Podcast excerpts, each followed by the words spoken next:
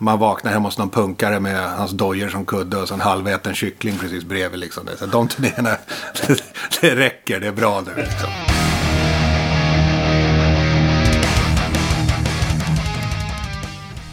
Ja, torsdag och dags för ett nytt avsnitt av Rockpodden. Varmt välkommen! Nu är ju lite av grejen med podcast att man kan lyssna på dem precis när helst man vill under veckan. Men jag vet att det är många av er som lyssnar på just torsdagar och det tycker jag är riktigt, riktigt trevligt. Förra veckan så utlovade jag att dagens gäst skulle vara en stenhård snubbe. Och det tycker jag verkligen att han är också. Men han visade sig ju vara precis lika trevlig som hård, om inte ännu trevligare kanske. Jag snackar såklart om Marco Aro ifrån The Haunted. Ja, visst, han har gjort massa annat också och det kommer vi såklart snacka om och även lyssna på faktiskt. Men det är ju Marco som person och The Haunted som blir centralt i det här samtalet. Du lyssnar på avsnitt 73 av Rockpodden. Marco Aro är veckans gäst. Jag heter Henke Branneryd och jag önskar dig en god lyssning. Ja, vill jag väl berätta vart du sitter? Ja, vi sitter alltså i en replokal i Hornstull. Det är den replokalen som Nail använder och Kåta Tanja har sina grejer här. Och sen så har ju The Resistance repat här och sen så har all sång till Exit Wounds och nu senast Strength in Numbers har spelats in här i replokalen. Vi håller inte på med massa fancy studios och skit. Nej, det är alldeles underbart, men det var ett trevligt ställe. Ja, nej, men det är jävligt gemytligt faktiskt. Och här sitter jag alltså med Marco Aro. Hej, hej! Hej, hej! Välkommen till Rockpodden. Tack som fan. Hur är det med dig då? Jo, det är bra som fan. Det är lite färdigjobbad för idag och så bara har lite sett fram emot det här faktiskt. Det ska bli jävligt Ja, roligt. trevligt. Jag har också sett fram emot det. Ja, vad roligt. Och mitt jobb idag har gått ut på att lyssna på Haunted och förbereda mig. Ja, det är en diger lista. Det har blivit nio plattor. Och jag har även lyssnat på mycket annat. Men vi, ska vi börja med senaste Haunted? Ja. För jag, jag är skitnyfiken. Jag var så ohyggligt glatt överraskad Ja. när, när den kom. Den dagen. Jag kommer ihåg att jag satt och ut och åkte buss. Och okej. lyssnade igenom den och var så överglad för varenda låt. Jag tycker den är svinbra verkligen. Vad roligt, tack. För det, det var också en sån här... När vi hade spelat in den så hade jag samma känsla som jag hade med The Haunted Made Me Do It. När man satt med så här fånigt flin på Ja. läpparna. Fan, det här blev rätt bra alltså. Fast det, ofta så brukar jag liksom inte gilla att lyssna på mig själv och det jag har gjort. Men fan, den där vart jag jävligt nöjd med Ja. faktiskt. Ja, det är grymt bra. Ja. Och, och, och då är min första fråga liksom så här. Ett halvår efter. Ja. Blev det så bra som du och jag tycker att det var? Blev det succé liksom? Ja, inte succé med, kanske med vet du, gårdagens mått mätt liksom, som det var förr. Men succé tycker jag nog för att det har ju blivit årets platta på många listor. Och sånt där. Inte för att jag bryr mig så jävla mycket om det. Men det är liksom, publikresponsen har varit jävligt bra på de nya låtarna. Och, och, liksom, och folk sjunger med och sådär. Så, att, så någon slags succé tycker jag nog det Ja. har blivit. Nej, för det är, det, det är lite svårt att, mäta succé Ja, nu. i, idag kan du inte mäta det med skivförsäljning och sånt där skit. Det Vet du hur många ni har sålt? X? Ja, t- t- ja, jag skulle vara överraskad om vi har sålt mer än 1500 alltså. Nej, men så illa är det väl inte. Men det är, det är inte långt därifrån alltså. Men du säljer inga plattor idag. Nej, jag- Det är inga fysiska kopior alls. Utan framgången mäts väl mer på hur många det är som dyker upp på spelningarna liksom. Ja. Det är väl där du verkligen ser. Men är du inne och sneglar på antal lyssningar på Spotify? Alltså sånt där har ju faktiskt aldrig varit viktigt för, varken mig eller någon annan i bandet känns det som. Men nog fan sneglar man ibland på videon så här som man tittar bara fan. Ja. Men vad fan vadå bara 80 000 efter första dagen? Vad är det här liksom? Fast man vet ju att det liksom det, det är inte så jävla viktigt. Men ja. Nej, men det är väl ändå ett... ett det är väl ett ja jo men såklart mä- att det är ett mått. Du kan inte slå Arch Enemy som fick en miljon efter första veckan. Liksom. Det, Kan kan man ju. jo, det är det kan man säkert. Men det är ju marigt. Ja, ja, ja, det är marigt. Absolut. Men, ja, vad har hänt sen releasen? Ja, va, alltså vi är, ju, vi är ju gamla gubbar idag så att vi är väldigt sparsamma med att åka iväg och spela och sånt där. Vi väljer ju kvalitet före kvantitet. Ja, ni är lite snåla sådär Ja. tycker jag. Men det är också sådär att idag så är det ju jävligt mycket svårare att boka saker och ting som faktiskt ger något. Liksom. Alltså nu tänker jag inte rent pengamässigt utan festivaler och sådana där grejer. För att det är, liksom, det är så många jävla band idag. Det är skitmånga band så att syns inte du hela tiden. Alltså, en skiva idag har ju ett bäst före-datum på två veckor. Mer eller mindre. Ja, nej, men jag förstår alltså, vad du menar, i, in the public eye om man säger. Så är det, det är två veckor, sen är du borta. Och då har du alla de här yngre banden då som spelar för noll och ingenting. Och, och det är klart som fan, de syns överallt liksom. Och de är ju duktiga på det här med internet, de är duktiga med allting liksom. Marknadsföra sig på nätet och...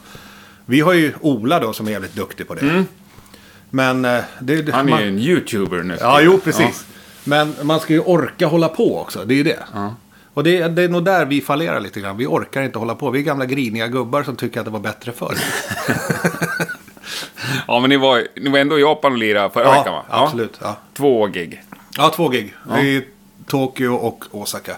Men där, alltså, där har vi också varit ganska välsignade för att vi har all, nä, nästan, nästan varje platta har vi varit i Japan.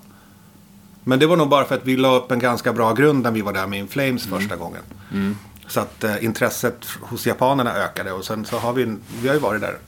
Jag tror jag har varit där åtta eller nio gånger. Ja, jag blir så avundsjuk så jag Men det, är alltså, man tycker ju inte det då.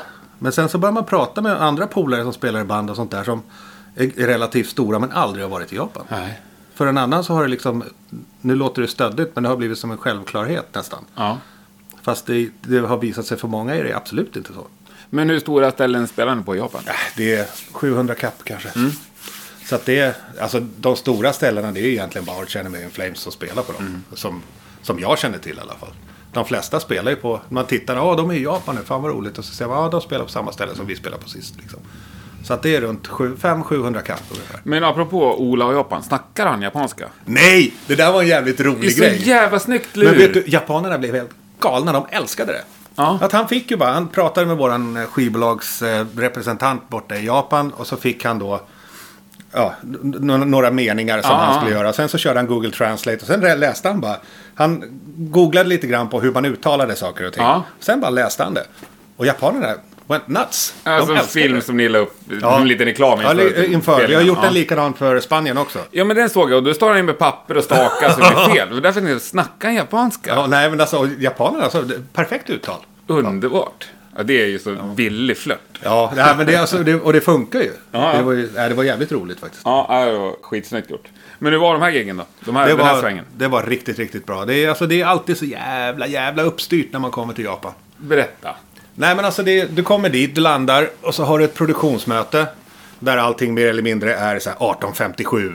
Och du vet sådär. Mm. Och sen bara, very sorry for chaos. Bara, Vadå chaos? Det är för fan inte någonstans. Det är inte en minut som inte är belagd med någonting. Nej, och sen så... Du skeppas ju runt hela tiden och det är liksom, det- allt är så löjligt uppstyrt. Alltså du... Ja, du behöver inte fundera på ett skit. Utan du bara dyker upp och sen så kör du bara liksom. Det är professionell personal, även fast det, klubben kanske är jävligt sunkig och sådär. Så är det fortfarande det senaste utav all teknik som går att ha. Och alla som är där kan verkligen den här tekniken och de är skitduktiga på det. Så att det, det är så jävla löjligt uppstyrt. Och sen publiken då när vi var där första gången, 2000. Då var det ju väldigt sådär. "Åh!" Och sen mellan låtarna så bara var det helt tyst. För att, av respekt för vad sångaren hade att säga. Ja, bla, bla, ja. Nu, när vi var där nu i, i förra veckan. Så var det liksom, efter första inslaget på första låten, då var det Circle Pit hela tiden. Och det tog aldrig slut, de bara körde hela tiden. Underbart. Så att de har ju också kommit in i det här liksom. De har ju liksom släppt lite tyglar och grejer. Så att det är skitkul. Det börjar bli mer rough i Japan. Ja, ja, visst, absolut. Det är skitroligt. Härligt. Men de är fortfarande... Jo, men det är fortfarande väldigt sådär... äh, Så fort jag öppnar käften då blir jag tyst liksom. För att äh, ja, de vill ju försöka förstå vad jag säger också. Ja. Så att, äh, även fast jag bara står och säger blaha blaha. För att det är ändå... Det är metal liksom. Ja. Det är bara klichéer. ja, vad säger de låtarna? Nej, jag säger väl inte så. Jag, jag, blir alltid the funniest man in the world, tycker jag ju själv. Mhm. Så jag säger ju massa saker. Alltså det är ju egentligen bara dravel och trams. Det är liksom...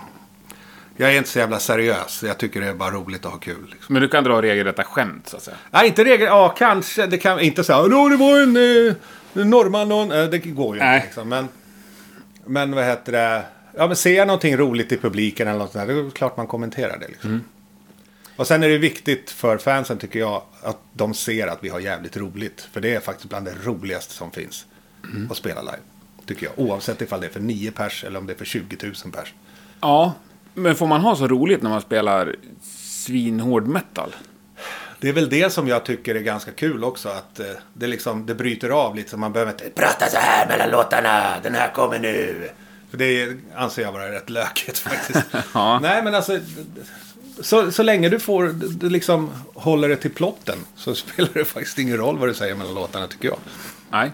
Jag har fått höra att man inte får ha shorts live. Har jag fått höra. Finns onda makter som säger att jag inte får ha det. jag kan ha uttalat mig den frågan någon gång också faktiskt. jag kan väl säga att jag förstår vad shortsmotståndarna menar. Ja, jo. Nej, men jag vet inte. Det, det blev det. Jävla HC-shorts. Ska du ha HC-shorts på dig nu? Men ja. Men det finns väl kanske vissa som kommer undan med det. Ja, Och där kanske du är lite mer HC. jag kommer ju därifrån från början. Så att, Ja, Men, ja. Nej, jag, jag har faktiskt kapitulerat och gått med du dem. kör lite skinnat och lite blod i pannan. Ja, det där, ja. ja, kör. Berätta. Vadå det där med, med blod i pannan? Ja. Det där började faktiskt redan i Face Down faktiskt. Och det var ju bara... Det var ju så killarna i Haunted, vad jag har förstått som Anders förklarade för mig, att det var så de kom ihåg mig, att jag räknade in låtar genom att slå micken i huvudet på mig själv. Och det är ju alltså, det är ett självdestruktivt beteende. Nej, men alltså så har det bara blivit så att nu när vi kör 99 så dunkar jag in de här äh, takterna med micken i pannan. Och det, alltså min, jag har en läkare som har sagt att sluta för fan med det där. För att du kommer få en jävla hjärnhinneinflammation snart. För det är liksom när du har gjort det i 20 dagar. Då är du rätt öm i pannan. Liksom. Men drar du 20 dagar i rad om du är på Ja, turné? alltså, om jag får feeling så gör jag det. Ja. Och det får jag nästan varje gång. Så att det, är, alltså, det är skitdumt. Men jag gör det i alla fall. Det ser ballt ut på bilder. Svinballt. det är lite pubertalt, men svin... Ja, det jag tycker det är skithårt. pubertalt, jag tycker det är skithårt. Men... eh, Så du måste ju misslyckas ibland. Ibland måste tänker jag, ett litet skrubbsår eller svinmycket blod. Ja, det har ju hänt att du har ju alltså verkligen dragit ett jack i pannan. Ja. Alltså. Men det var tidigare då. Med face down och sådär. Då kunde det vara jävligt mycket blod på scen ibland. Men ibland kunde man ju liksom. Vi spelade på.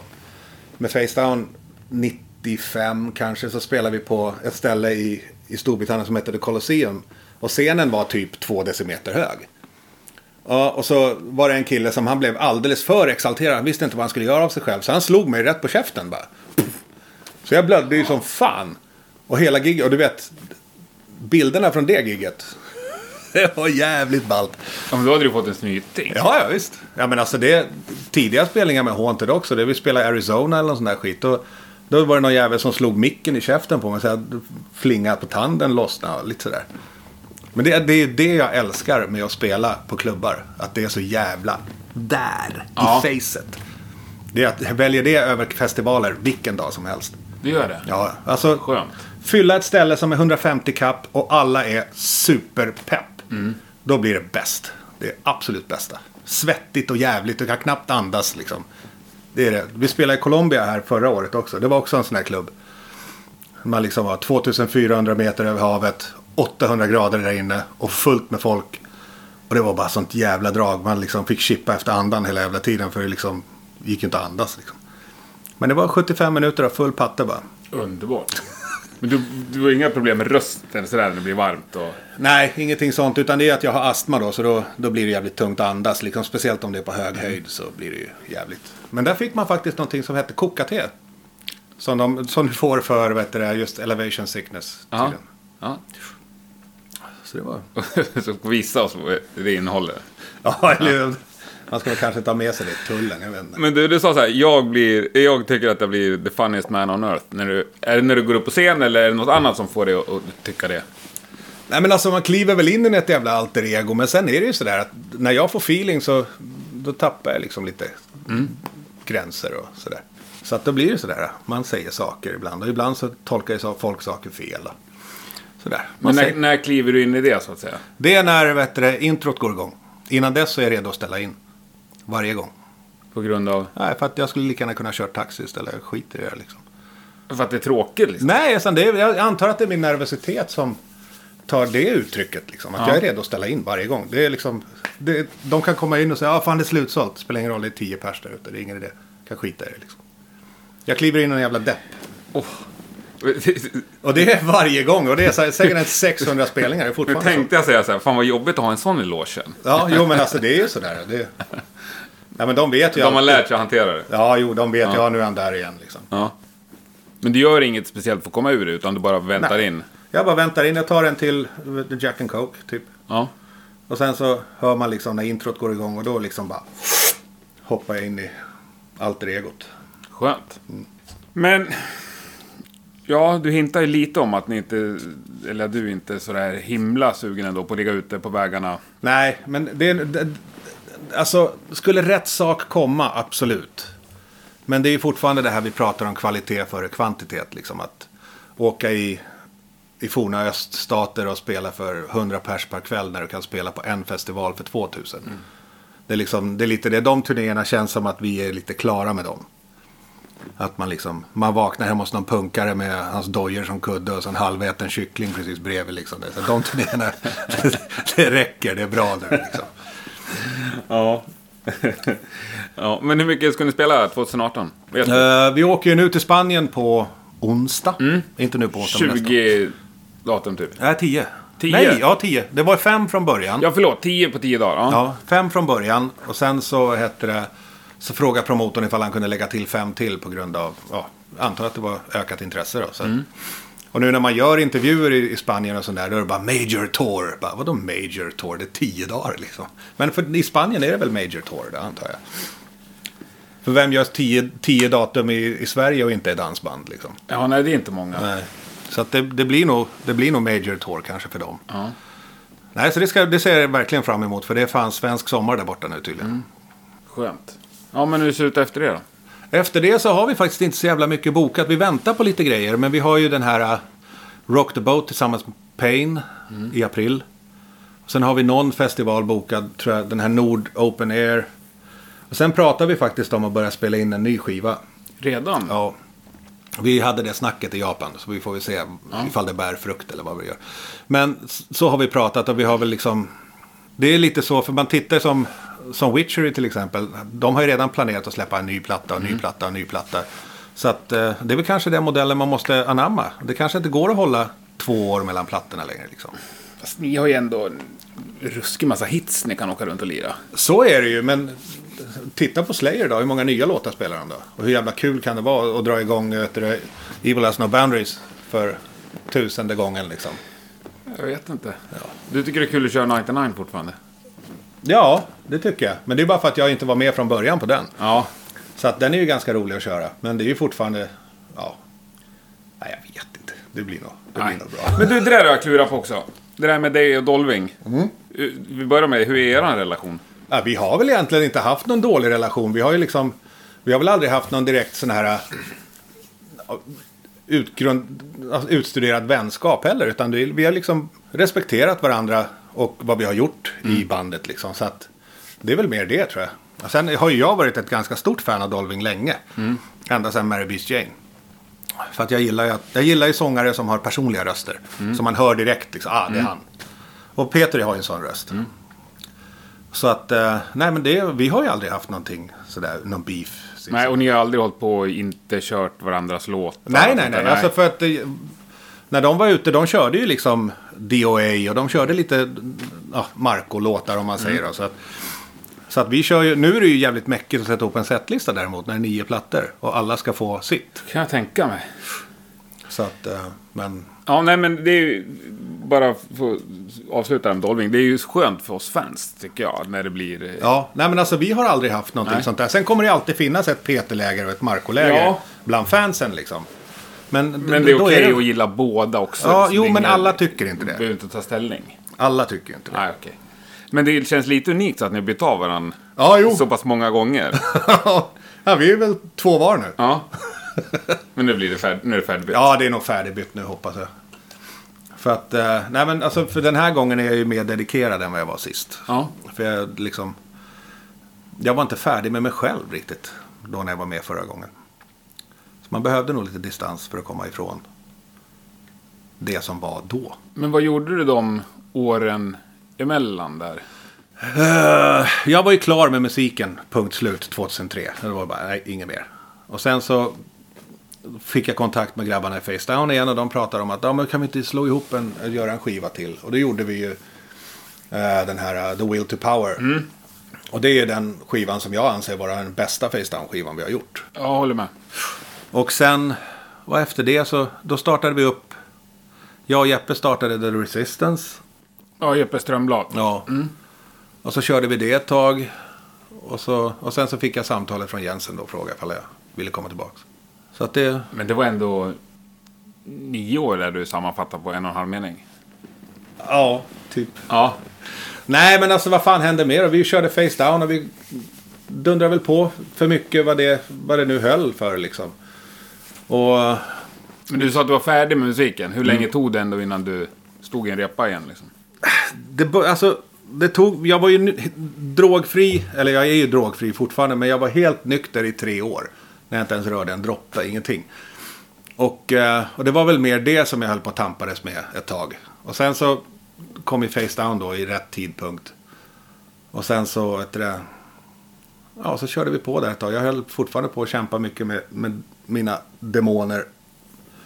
Men eh, sen fick jag väl ordning på det. Och så tyckte jag att musik var roligt igen. Mm. Så att, eh, ja. Så att jag har nog den plattan att tacka för att det blev kul igen. Men det var ju tufft alltså. Man har ju, det var ju därför jag hoppade av Haunted också. För att jag var ju narkoman liksom. Så att eh, jag var tvungen att... Men var det frivilligt val att hoppa av så att säga? Ja, jag, jag var tvungen att göra det. Alltså enligt mig själv.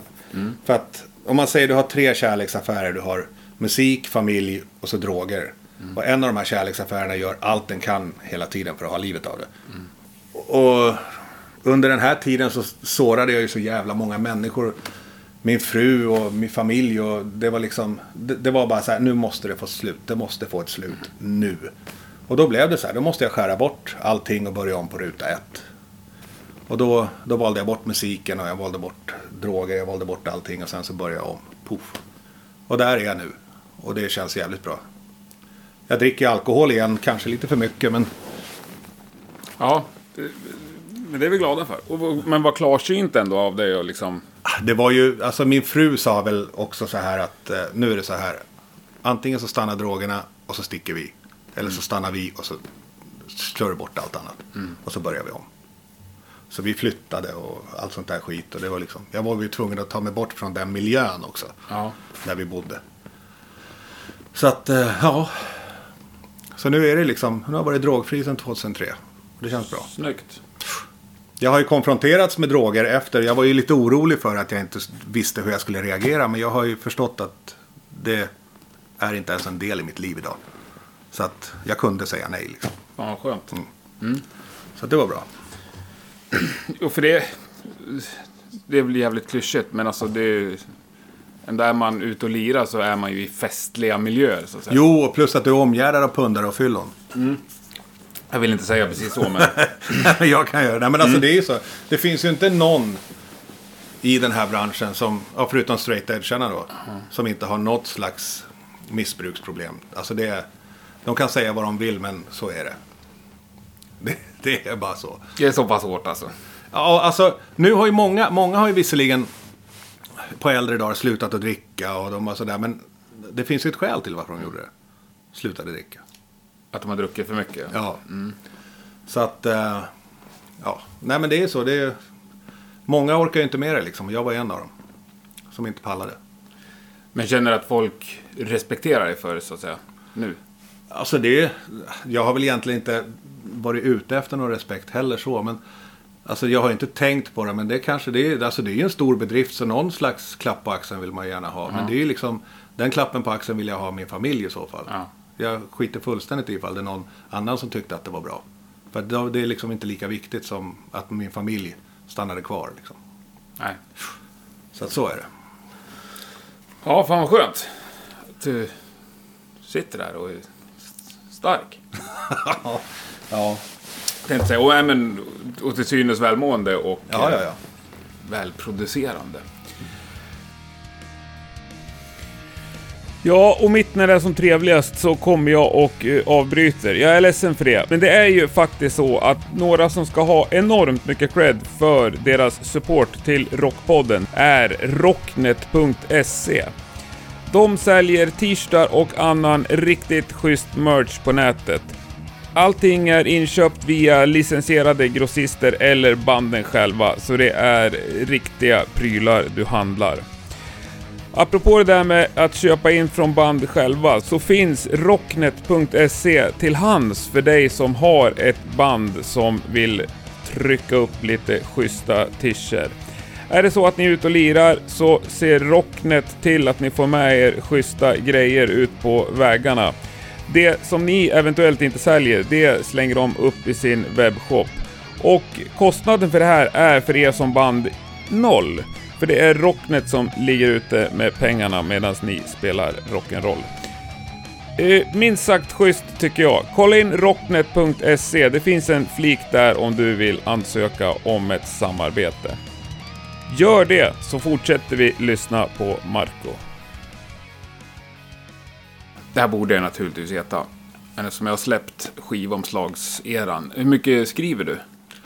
Jag skriver väl, ja, säg 50 procent i alla fall. Ja. Av texterna? ja.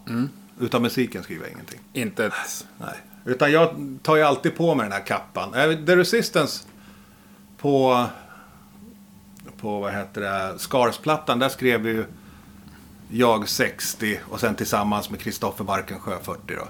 Men jag tar ju alltid på mig den här kappan. Ah, det är lugnt, jag skriver allting, inga problem. Och sen så får jag bara vild panik liksom. Ah, jag måste skriva, fan jag ska lägga sång imorgon liksom. Så att, ja, då brukar jag få ta in lite hjälp och sådär. Ja. Men vad skriver du om?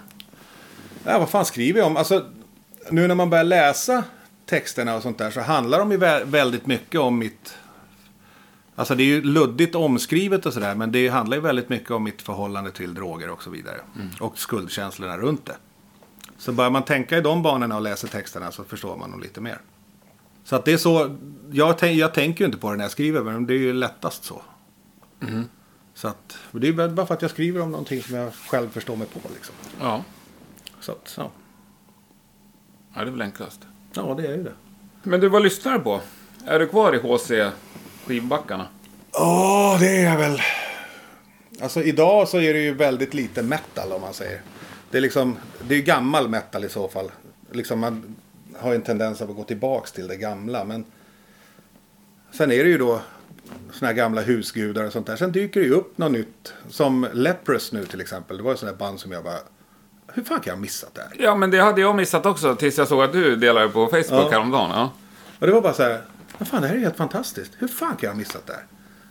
Och Det, liksom var ju det- väldigt modernt. Ja, men det är, jag älskar sån här musik där man kan sätta sig i lurar och bara flyta iväg. Ja. Det är det bästa. Som Carnival, Leprous och sådär. Men sen är det ju sådär. äh, Ny hård musik, den måste ha någonting väldigt, väldigt speciellt för att jag ska liksom fastna för den. Mm. För att nu, jag, jag tycker det mesta låter exakt lika. Du får tips. Rakt av. Bokassa från Norge. Jag har aldrig hört talas om. Nytt, hårt, Är 23 det bast från Trondheim. Jaha, ja, Trio. måste jag är det kolla. så in i helvete bra. Ja, nej, men då måste jag kolla det. Ja, de är hårda. Och lite, det var lite också tydlig HC-bakgrund. Ja. Men ändå metal. Nej, nu ska jag plocka fram mitt papper här så jag vad jag hade tänkt vi skulle snacka om. Ja, okej. Jo, men du snackade lite om vad du gjorde innan gig. Vad gör du efter giggen? Efter giggen så går jag fan och lägger mig. Är det sant? Ja, jag är så jävla... Alltså, nu för till förr i världen så var det ju världens jävla fest efter giggen liksom. Det var ju så jävla kul och... och men nu är man ju så jävla utmattad efter spelningen liksom. Så att jag orkar inte. Jag orkar faktiskt inte gå ut på puben och... ja men fan vi går ut och så tar vi middag med dem. Nej, glöm det. Jag hänger inte på. Alltså jag orkar inte. Men det är ganska skönt för då vaknar man utvilad dagen efter. Jo, förvisso men. Om ni åker och kör två gig i Japan liksom. Ja, fak- faktum är att middagen efter första giget fick jag gå hem. För att jag var 60% pissefull och 40% trött. Så det var bara, nej jag går, jag går hem nu. och efter andra giget. Ja, andra giget var ju lite, men då var vi på någon klubb. Men det var så jävla mycket folk så då gick jag hem också. Ja, du kanske har varit på nog med efterfester. Ja, nej men det har ju hunnit bli en hel del stök och bök liksom. Ja. Men sen är det ju liksom, man ska ju inte glömma bort att man är ju där för att göra, man är där för att, ja, jobb låter jävligt fult, men man är ju där för att jobba. Liksom, och då kan du inte liksom sitta som ett jävla vrak dagen efter. Och, Nej. Det är liksom, folk har ju faktiskt betalat pengar för att komma och kolla. De vill inte se ett jävla vrak som står där som knappt orkar röra sig för att hans huvud håller på att sprängas. Liksom. Nej, det är faktiskt sant. Men, men hur var det då, alltså förr i tiden då? Förr i tiden var det lite mera fest. Eller jävligt mycket mera fest var det ju. Så att då, då kunde vi ju liksom hålla på. Jag kunde ju sitta själv på bussen. Och sitta och kröka själv liksom. Till klockan fyra på morgonen så gick man och la sig. Men då på den tiden blev man ju inte bakfull heller. Så att då kunde man hålla på. Nej, det finns ju någon åldersgräns Ja. där det händer något brutalt. Nej, så sen är det ju sådär också att vi har ju aldrig varit något festande band så, Haunted. Det, har Nej. liksom, det var ju någon, det var ju någon sån australiensiskt band när vi var i Australien första gången.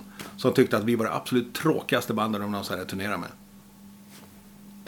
Ja, då är det väl så. Ja, men det, ja. Men det framstår som ett seriöst band. Alltså, Ja, alltså, jo, det, så är det väl. och det är ganska svårspelat. Ja, tycker andra ja. vi tycker inte det.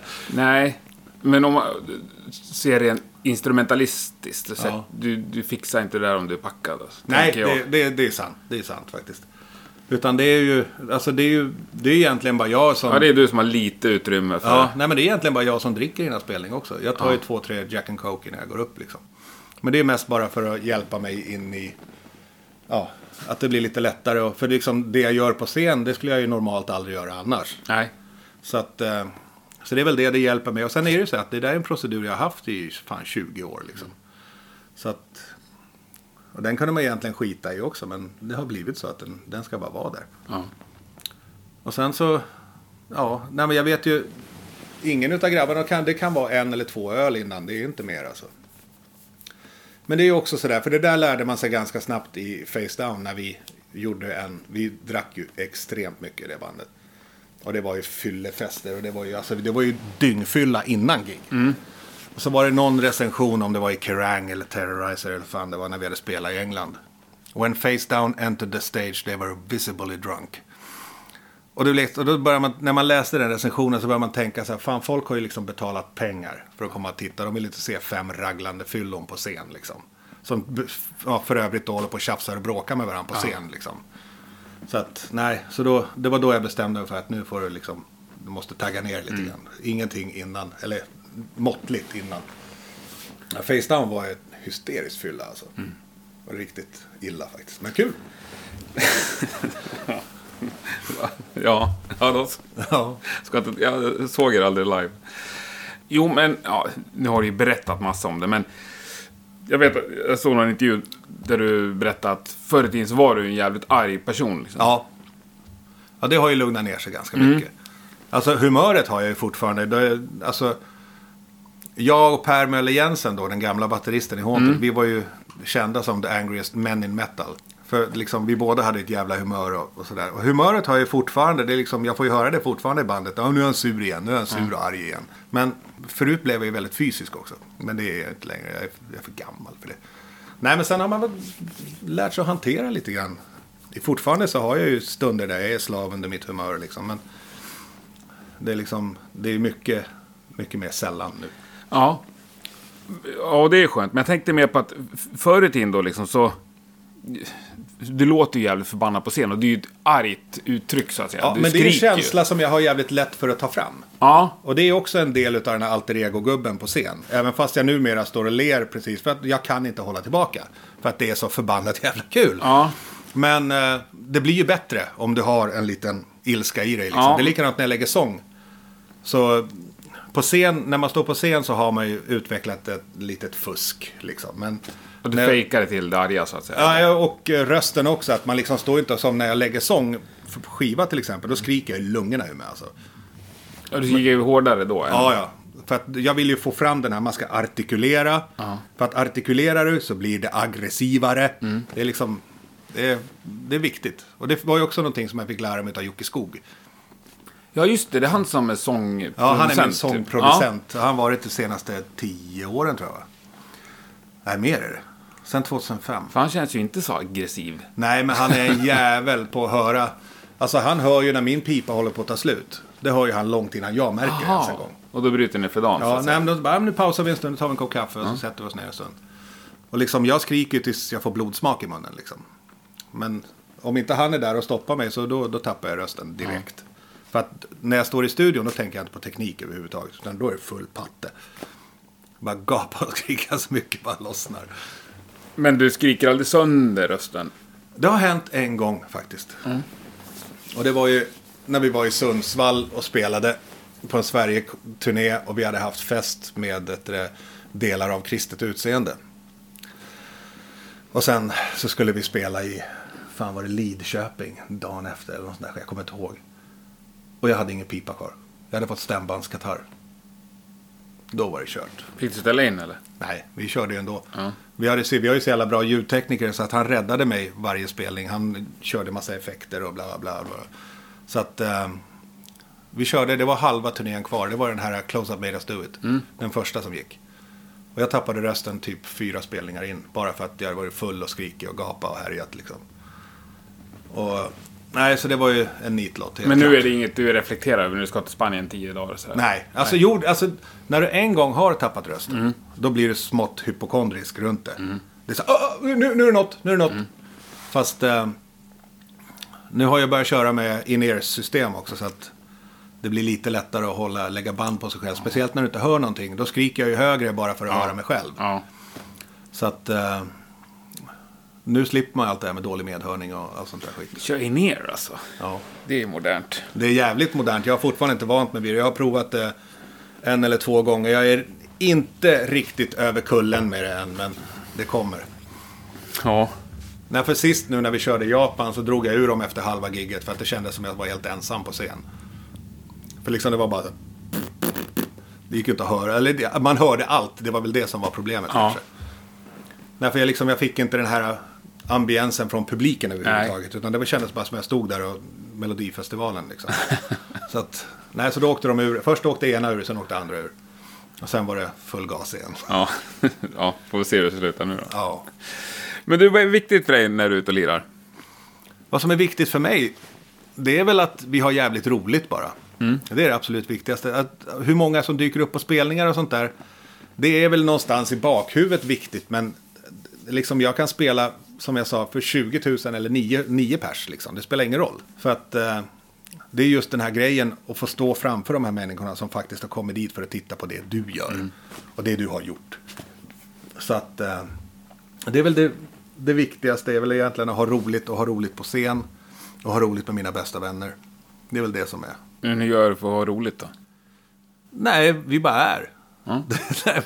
Nej, men alltså, ha, ro, ha roligt har ju, har ju förändrats lite grann. Förut var ju ha roligt jävligt stökigt. Liksom. Det finns ju en kväll i, i Irland framförallt som var jävligt stökig. Ge oss. Men eh, i övrigt, nej men alltså det är... Vi har ju roligt på vårat sätt. Gammal gubbe roligt. Men börjar man berätta om Irland där? Det lät ju kul. Nej, alltså vi var ju... Ja, ja, den, ja den, kan vi, kan, den kan vi ta. Det var, vi hade ju spelat på Irland och, heter det, och så skulle vi gå ut med eh, den lokala promotorn. Och eh, vi var ju fulla som fan. Och så var det någon kille som spelade musik, alltså gatumusikant. Och så tog Anders över hans gitarr och började spela Slayer-låtar. Och, ett, och vi betalade honom med pommes frites. Och sen så kom, gick vi vidare. Och så var det en sån här kille som sitter i en sån här rickshaw. Du vet, sån här. Den som de har i Asien. När de, en taxi som du springer med. Jaha, ja, ja. Ja. Och så går jag bara fram till den här killen. Så han sitter och har en rökpaus. Så bara tittar jag på honom och så han bara Don't do it man, don't do it. Bara tog jag tag i den och så bara skickade iväg han. Så han flög all världens jävla väg. Och så skrattade vi så vi grät. Och sen så gick vi in på bussen. Och då tar ju Per Möller Jensen. Det stod en cykel på bussen. Så Per Möller tar den här jävla cykeln och kastar ut den all världens jävla väg och sparkar och slår på den. Och det är ju promotorns jävla cykel. Nej, det, var världens, det hände så mycket den kvällen, men det där var ju typ ett axplock. Nej, det var helt galet alltså. Vad roligt. Så det var roligt då och roligt nu är väl att ligga på ett hotellrum och titta på en komedi typ. Ja. ja, nej men det, det händer ju saker när man mognar. Ja, jo så är det ju. På gott, på gott och ont kanske. Ja. Eh, ja, vad säger du nej till? Och spela apa. När folk vill att jag ska göra saker som jag inte vill göra.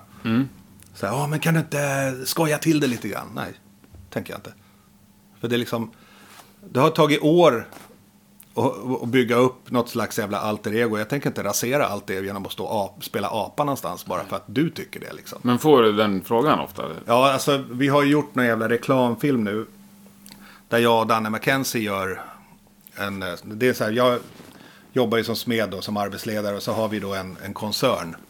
Och då ska vi rekrytera in folk till den koncernen. Och då tyckte regissörerna och de här, eller reklambyrån tyckte att det skulle vara kul att spinna på hela den här metal-grejen eftersom metall, metal. Ja. Och då skulle vi spela in en jävla reklamfilm. Och det var ju bara trams. Det ena efter det andra. Jag bara sa, glöm, glöm det, jag gör det inte. Du kan, då skiter vi i det istället liksom. Ja, här är manus. Ja, du kan kasta det där skiten. För jag tänker inte ens göra det liksom. Så att det är väl, det, det är väl sånt som jag liksom, jag tänker inte stå och spela apa liksom. Nej. Så att det är väl det som jag inte vill göra. Men du var ändå med i filmen? Ja, det jo, Det var inte fast- så att de tog in någon annan som Nej, nej, nej. Utan det Nej. blev, det blev ju som jag ville. Ja, det blev riktig metal. Ja. Ja, det, den påminner väl lite väl mycket om en rockvideo sådär och inte en rekryteringsfilm kanske. Men, men det varit bra ändå faktiskt. Det, det känns inte lökigt att titta på det i alla fall. Finns den att se på? Den kommer att släppas snart. Den kommer gå som en sån här banner på YouTube och bla bla sådär. För att vi håller på att rekrytera in folk som ska bli stålbyggare liksom. För det är en utdöende bransch. Så det blir alltså, att jobba som smed och spela hårdrock, det blir inte mer metal än så. Nej, det är oerhört hårt alltså. Verkligen. Skitcoolt. Men vad säger ni som band nej till? Jag tänker mig att ni, ni är ändå så pass stora och enormt etablerade. Ja, fast inte så stora som man kanske skulle kunna tro eller som man skulle kunna önska kanske. Men vi tackar ju nej till saker som, som absolut inte makes any sense. Liksom. Typ. Nej, men att åka iväg på en 30 dagars turné med eh, något band som vi vet inte kommer ge oss ett jävla skit. Liksom. Däremot så tackar vi ja till, vet du som, att åka med, som vi åkte nu i Storbritannien med Meshuggah till exempel. Vi, hade, vi visste att vi skulle åka på den turnén och inte få en jävla spänn. Inga pengar alls. Eftersom det var, men däremot så var det så att vi har inte varit, eller bandet har inte varit där sedan 2006 eller 2008. Så att det här är vår chans att visa upp oss där igen. Så vi åkte dit, vi hade inte ens råd att ta ljudtekniker med oss. Åkte dit och eh, efter två dagar så betalade Meshuggah våran ljudteknikers flygbiljett. Bara, ni låter inte som ni brukar. Så då köpte de en biljett och flög in våran ljudtekniker. Fan vad schysst. Det var riktigt schysst. Och det är liksom, det är sådär. När man, har, när man är ute och åker med gamla kompisar och sånt där. Och det blir ju jävligt roligt liksom. Men fan mig, är det inte bedrövligt att ni ska behöva åka på en gratis turné? Nej, men det är väl inte lite för att saker och ting har ju förändrats liksom. Det, det är inte alls som det en gång var. Nej. Och det är liksom, Men om, om jag bara lyssnar på hur bra ni är och hur bra ni alltid har varit så att säga, hur länge ni har hållit på liksom. jo fast du är ju i min ålder. Ja, jo, förvisso. Och de som kommer på spelningarna idag är ju inte våran ålder längre. Nej, Och det, många av dem har inte ens hört talas om oss. men då har de ju dålig koll. Jo, det, det kan man väl kanske säga. Men det är, det är tyvärr så. Det är så det ser ut nu. Liksom, att de som fortfarande kommer ihåg oss, det är de som är lika gamla som vi. Ja. Men du är liksom cool inför det faktum att ni får dra till Alltså det England. blir ju en liten utmaning också. Att liksom, nu, nu är vi här för att vinna över publik. Liksom. Nu ska vi sno deras publik. Så det är lite det, den här, jag har alltid gillat den här lilla underdog-grejen. Liksom. Så du hellre förband än headline? Faktiskt, många gånger så är det så. För att headline, då helt plötsligt så faller det på dina axlar om det inte kommer någon. Ja. det är inget roligt. Ja, just det. Då kommer den nervositeten bli ännu större. Ja. Nej, så att alltså, jag gillar att, att slå lite från underläge. Jag Ja. tycker det, plus att det, liksom, det sporrar ju mig för att då blir det så här att ja, men nu är jag här för att ta tillbaka den här marknaden. Och nu ska jag göra allt för att det ska bli så. Och då blir ju de spelningarna brukar oftast bli de absolut bästa. För då är man ju liksom full patte. För att headliners behöver egentligen inte vinna över någon. Nej. Ska vi se till att de kommer tillbaka nästa gång? Jo, kanske? det är väl mer det. Men alltså, ja, jag gillar den här underdog-grejen som fan. Jag tycker det är kul. Men nu gick det då i England? Det gick jävligt bra faktiskt. Det var det också, där ser du också det här uh, the power of internet. Det är liksom första spelningen so-so. Andra spelningen lite bättre. Tredje spelningen ännu bättre. Och, det är liksom, och då börjar de här människorna chatta med varandra. Fan, ni måste gå och kolla, och kolla det här förbandet som... För många som kanske, som en annan, bara, "Äh, skit jag sitter och tar en bärs när förbandet spelar. Men så, då blir det ju liksom det här att, ja men kolla förbandet, missa inte dem liksom. Så att, eh, det var likadant när vi var ute med At the Gates i USA. Det var ju samma sak där. Alla har ju hört talas om At the Gates. Men ingen, har ju, ingen ser ens kopplingen mellan Haunted och At the Gates. Nej. Men, eh, och där var det också sådär. De sista, sista spelningarna på den turnén. Det var ju, det var ju liksom lika mycket våran publik som deras. Så det var jävligt kul liksom. Och där ser du ju då att det här eh, internet, att det funkar faktiskt. Liksom. Men jag såg att ni skulle köra lite med At the Gates i sommar också. Ja, några spelningar sådär. Ja. Det där var oerhört behändigt. ja, men det är ju det. För att det, det, alltså, det löser ju många logistiska problem också. Ja. Så att, eh, men det, det är faktiskt jävligt behändigt. Sen är det ju liksom, vi har ju känt varandra i över 25 år. Liksom. Så att det, det är enkelt. Och det blir aldrig några sådana här överraskningar. Någon, någon blir full och säger något dumt. Och då tänker man, ja men nej, han kommer ångra det där morgonen då. Så skit i det liksom. Nej, så det är, alltså det är, det är jävligt, jävligt kul faktiskt. Det är Ja. väldigt tacksamt att ha det så också faktiskt. Ja, skönt. Ja, och de, ja, de blomstrar väl Ja, ja. nu igen så att säga. Ja. ja. Och de har ju en ny platta på G också. Ja. Jag, har hört, jag har hört några låtar ifrån det. Och det är bra skit kan jag säga. Ja, underbart. Men du, The Resistance, du nämnde det bara lite. V- vad hände där? För det var inte så länge sedan. Nej, alltså vad hände där? Alltså, det, var ju, det var egentligen ett band som var skitbra. Men alla ingredienser för ett platt fall fanns där. Men vi valde att ignorera dem. Så att, eh, nej, jag kan, jag kan sakna det faktiskt. Ni släppte ju ändå en platta för... Två. Ja, men i sista plattan tänkte jag, det är inte ens två år sedan. Nej. Nej, 2000, nej, fan är det? 16, Var det det? tror jag. Ja, skitsamma. Ja, ja, något, något sånt där var det i alla fall. Nej, men det, det, vi var så jävla elaka och dumma mot varandra. Så att det fanns liksom ingenting att bygga på längre. Så att eh, vi valde att lägga ner det. Jag kan sakna det som fan. För att det var ju, när jag och Jeppe startade det där bandet då pratade vi liksom om att vi skulle sätta ihop ett band där vi liksom hyllar alla de det, ja, gamla banden som vi själva gillade att lyssna på. Och sen musiken som vi själva kanske har försökt få in i vissa band som man har spelat med men det aldrig varit rätt tid och bla bla. Så att eh, jag tyckte vi kokade ihop en ganska bra liten häxbrygd där liksom, och fick ihop det. Och det rullade på och det var jävligt bra. Men sen så hände det någonting. Vi vart, det liksom, jag vet inte om vi tappade respekten för varandra eller något sånt där skit. Alla i bandet liksom. Och blev jävligt elaka och dumma mot varandra bara.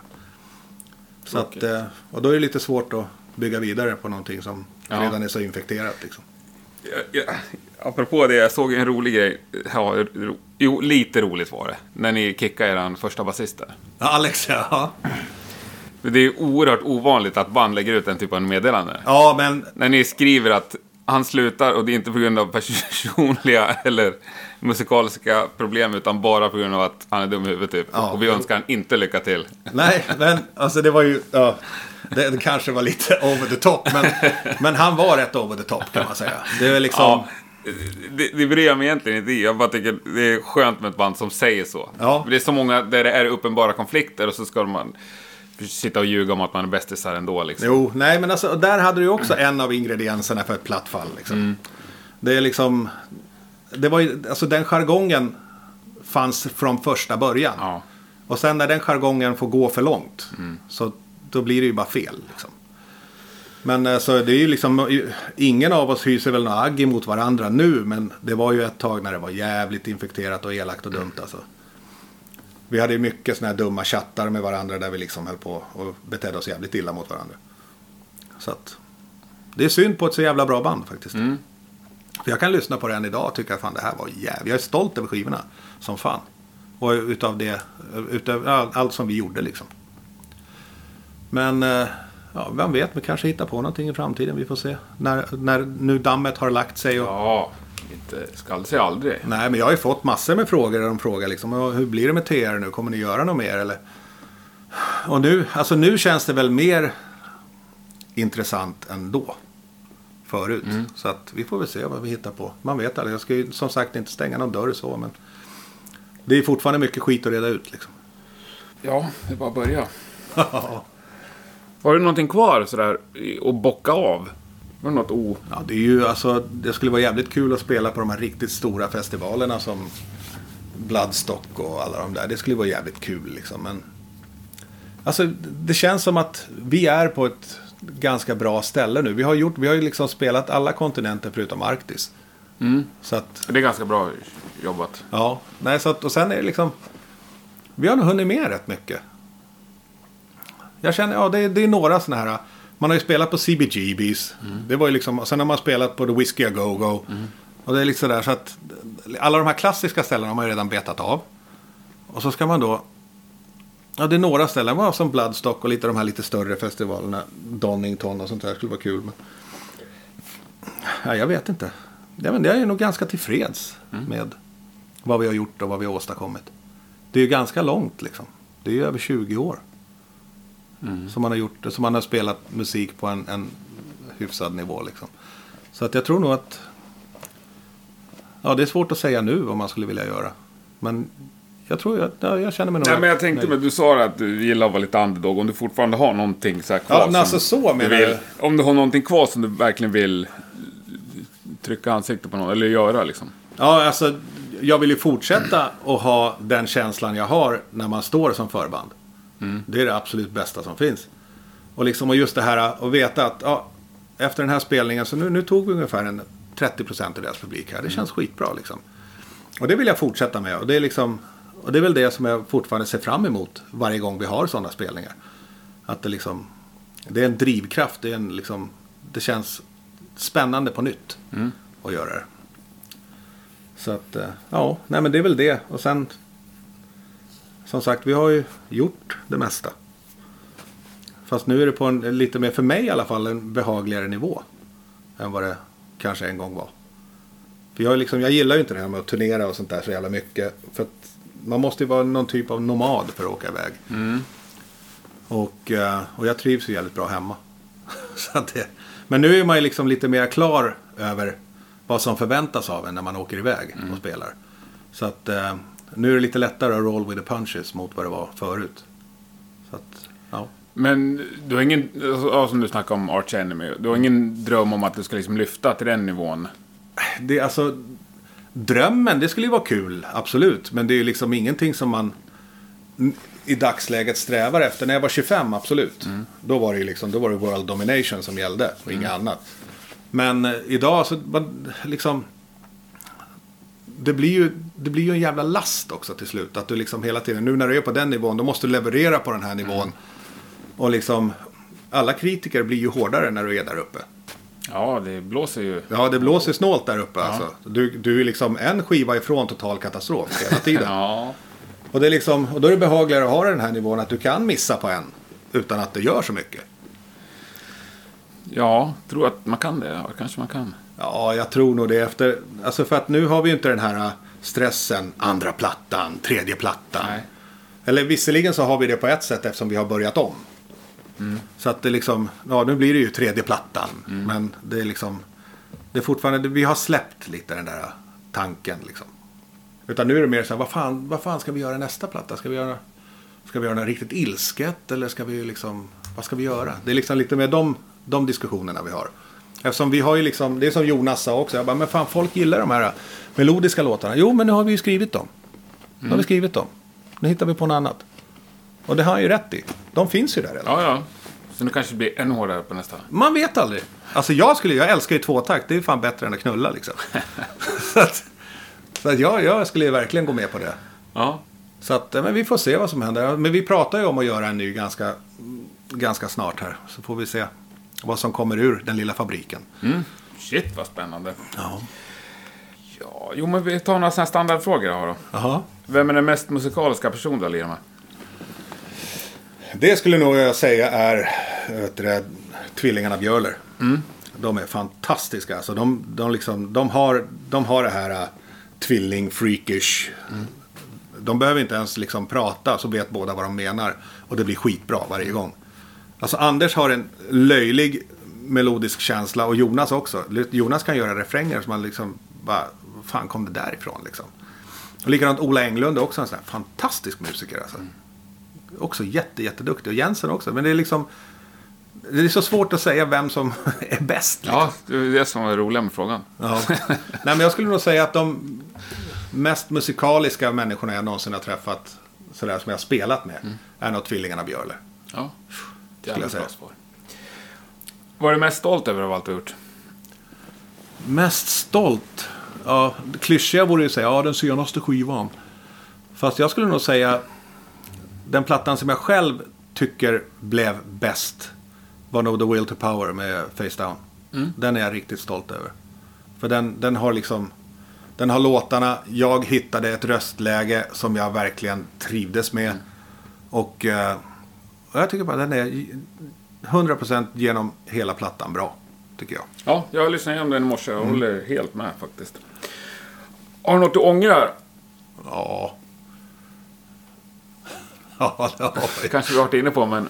Ja, nej men alltså det är ju att man lät sig luras av, av det, den världen som försökte ta livet av en. Men vad heter det, annars fan ska man hålla på och ångra massa jävla skit för liksom. Då hade man ju aldrig varit den man är idag. Nej. Om man ska springa omkring och ångra sig hela tiden. Så att egentligen så ångrar jag väl ja, ingenting egentligen. För att eh, som sagt, jag hade inte varit den jag är idag om jag hade gått och ångrat mig. Nej, sant. Vad ser du mest fram emot av det som finns inbokat i kalendern? Ja, just nu så ser jag fram emot Spanien som fan. Det ska bli riktigt jävla kul. Och sen så, ja, jag ser varje gång vi ska iväg och spela så ser jag jävligt mycket fram emot det. För att det är ju liksom någonting som vi aldrig lider brist av. Och det är att ha roligt tillsammans. Så att det är jävligt kul. Och det är en ynnest att få åka iväg som gammal gubbe. Och träffa sina gamla gubbepolare. Och göra jävligt roliga gubb, gamla gubbegrejer. Nej men så att det är, jag ser alltid fram emot att spela. Alltid. Ända tills jag står där och är deppig. Gud vad kul. Jag ser på att du, att du är ärlig också. Ja. Ja. Nej men så att det, det, det är väl det jag alltid ser fram emot. Det är att spela med grabbarna. Det är det absolut bästa. Fan vad härligt. Ja. Nej men alltså det och det är ju, Folk har ju sagt det också nu att det syns på er att ni har roligt. Och det är liksom, för jag vill inte bli den snubben som man kliver upp, man, man ser han på scen där liksom. Att "Ja, just det, han är på jobbet nu. För det, det vill jag aldrig att det ska bli. Att det blir någon slags jävla slentrian. För att så fort ens passion blir ett måste. Då måste man tänka om. För att det får inte bli ett jobb. Där man liksom, ja, kaching och sen så går man upp på scen och gör sitt. Och det är liksom, det är ingen känsla, det är, inget, det är ingenting i det. Utan det är, det, det är ett skal som står där och skriker samma gamla grejer igen liksom. Utan jag, jag genuint älskar det. Alltså genuint älskar det. Oavsett om det är i någon jävla skithåla i Omaha, Nebraska eller om det är liksom på på någon riktigt hellfest eller vad fan som helst. Spelar ingen roll. Det är liksom, jag älskar det. Härligt att höra. Men rent sådär, går det att säga ändå vart det är roligast att turnera? Alla, alla, ja vad ska man säga då? Alla spansktalande länder är jävligt roliga. För där är ju publiken galen på riktigt. Alltså det är galet på Ja. riktigt. Vi spelade ju i Chile. Var det 2000, 2001 kanske? När man liksom ser folk i publiken. När man räknar in låten så börjar de att slåss. Och sen mellan låtarna så står de och jämför fläskläppar med varandra. "Åh, kolla, fan, det här gjorde du på mig. Och så bara pss, pss, pss, pss, Och så börjar de igen. Och det tar aldrig slut. Och det är helt jävla galet. Men, och det, alltså, det, det, så var det ju när vi spelade i Colombia också. Nu slogs de ju inte i publiken den här gången. Men det var den här genuina passionen. Liksom, att de bara älskade det. Och sen är det ju sådär. Vissa länder är ju liksom. Det är svårt att vara profet i sitt eget hemland till exempel. Här är ju. Nu var ju den här Sverige-turnén till exempel som vi gjorde nu. Den var ju alltså över all förväntan. Jag trodde aldrig. När till och med fick full fart på ett ställe som brukar vara ganska svårt som Malmö. Världens tryck. Världens jävla tryck. Och det är liksom. Så att nu börjar ju saker och ting att hända. Och det är faktiskt jävligt kul. Det är just det jag menar. Där, där kan man mäta framgång. Att man står och ser att just det. Malmö sist stod och bara och tittade. Nu var det morspit liksom. Så att. Det är väl där man ser. Ja, fan vad kul. Pikar uppåt. Ja, det gör det väl sakta. Men så- det är väl en sån här formkurva då. Ja, Men det, är, det är så skönt att höra ändå att liksom, ni, så här, Haunted, tycker att ja, det börjar, börjar gå uppåt liksom. Jo, men ja. det var ju väl ett tag vad jag förstår. När, vad heter det. det kanske inte gick sådär jätte, jätte, jättebra liksom. Nej. Och, eh, och det är väl det vi jobbar med nu. Och försöka komma tillbaka. Vi tappade någon slags momentum där någonstans tror jag. Och sen så, nu är vi väl på väg att försöka jobba tillbaka det. Och Det är det som gör det jävligt roligt också. Att det är liksom, det, det är som att börja om. På något sätt. Mm. Och jag, jag älskar det, jag tycker det är skitkul. Underbart att höra. Har du något du vill tillägga? Nej, förutom att det här var jävligt, jävligt kul. Ja, härligt. Det, jag, jag har också haft väldigt roligt. Då tror jag att vi ska avsluta, avrunda med att du ska få en present. Jaha. Det här tycker jag är eh, en av de finare presenterna hittills faktiskt. Du, du får öppna den själv. Jaha. Ja, jag vet vad det Ja, är. du vet vad det är. Ja. Du har sett det. Fast det är jävligt roligt ändå. Jo, men det är det ju. För det här är ju lite... Ja, nu har de ju visserligen startat om igen. Det är ett uh, helikoptersbältesspänne. Ja. Men uh, var det Bobba som gav Ja, det är från Bobba. Till dig. Han visste att det var till dig också. Ja, vad trevligt. Ja, Ja. nej, men det här tackar vi för. Det här var jätteroligt. Härligt. För jag, jag är faktiskt ett fan av det bandet, måste jag säga. Toys and Flavors är ju fan den bästa skivan någonsin, tycker jag. Ja, jag tycker nästan Rock'n'Roll is dead är bäst. Får man säga så? Det får man om man vill. Mm. ja, Nej, underbart. Och du har också en fin present att skicka med, men det säger vi inte vad det är. Det får, Nej. Det, det får vi... Ska vi se vart, det, vart den hamnar, i vems händer. Mm. Nej, men då trycker jag på stopp här. Gjort. Stort tack! Tack själv. Grymt trevligt att träffa dig. Ja, detsamma, detsamma. Tack! Tack. Ja, stort tack Marco för att du tog dig tid. Mycket trevligt tyckte jag att det där var. Om det är fler än jag som undrar på vilka de här Kåta Tanja var så är det inget obskyrt eh, punkband utan det är Marcos mycket humoristiska omskrivning av det eminenta bandet Katatonia. Följ gärna Rockpodden på Facebook och Instagram.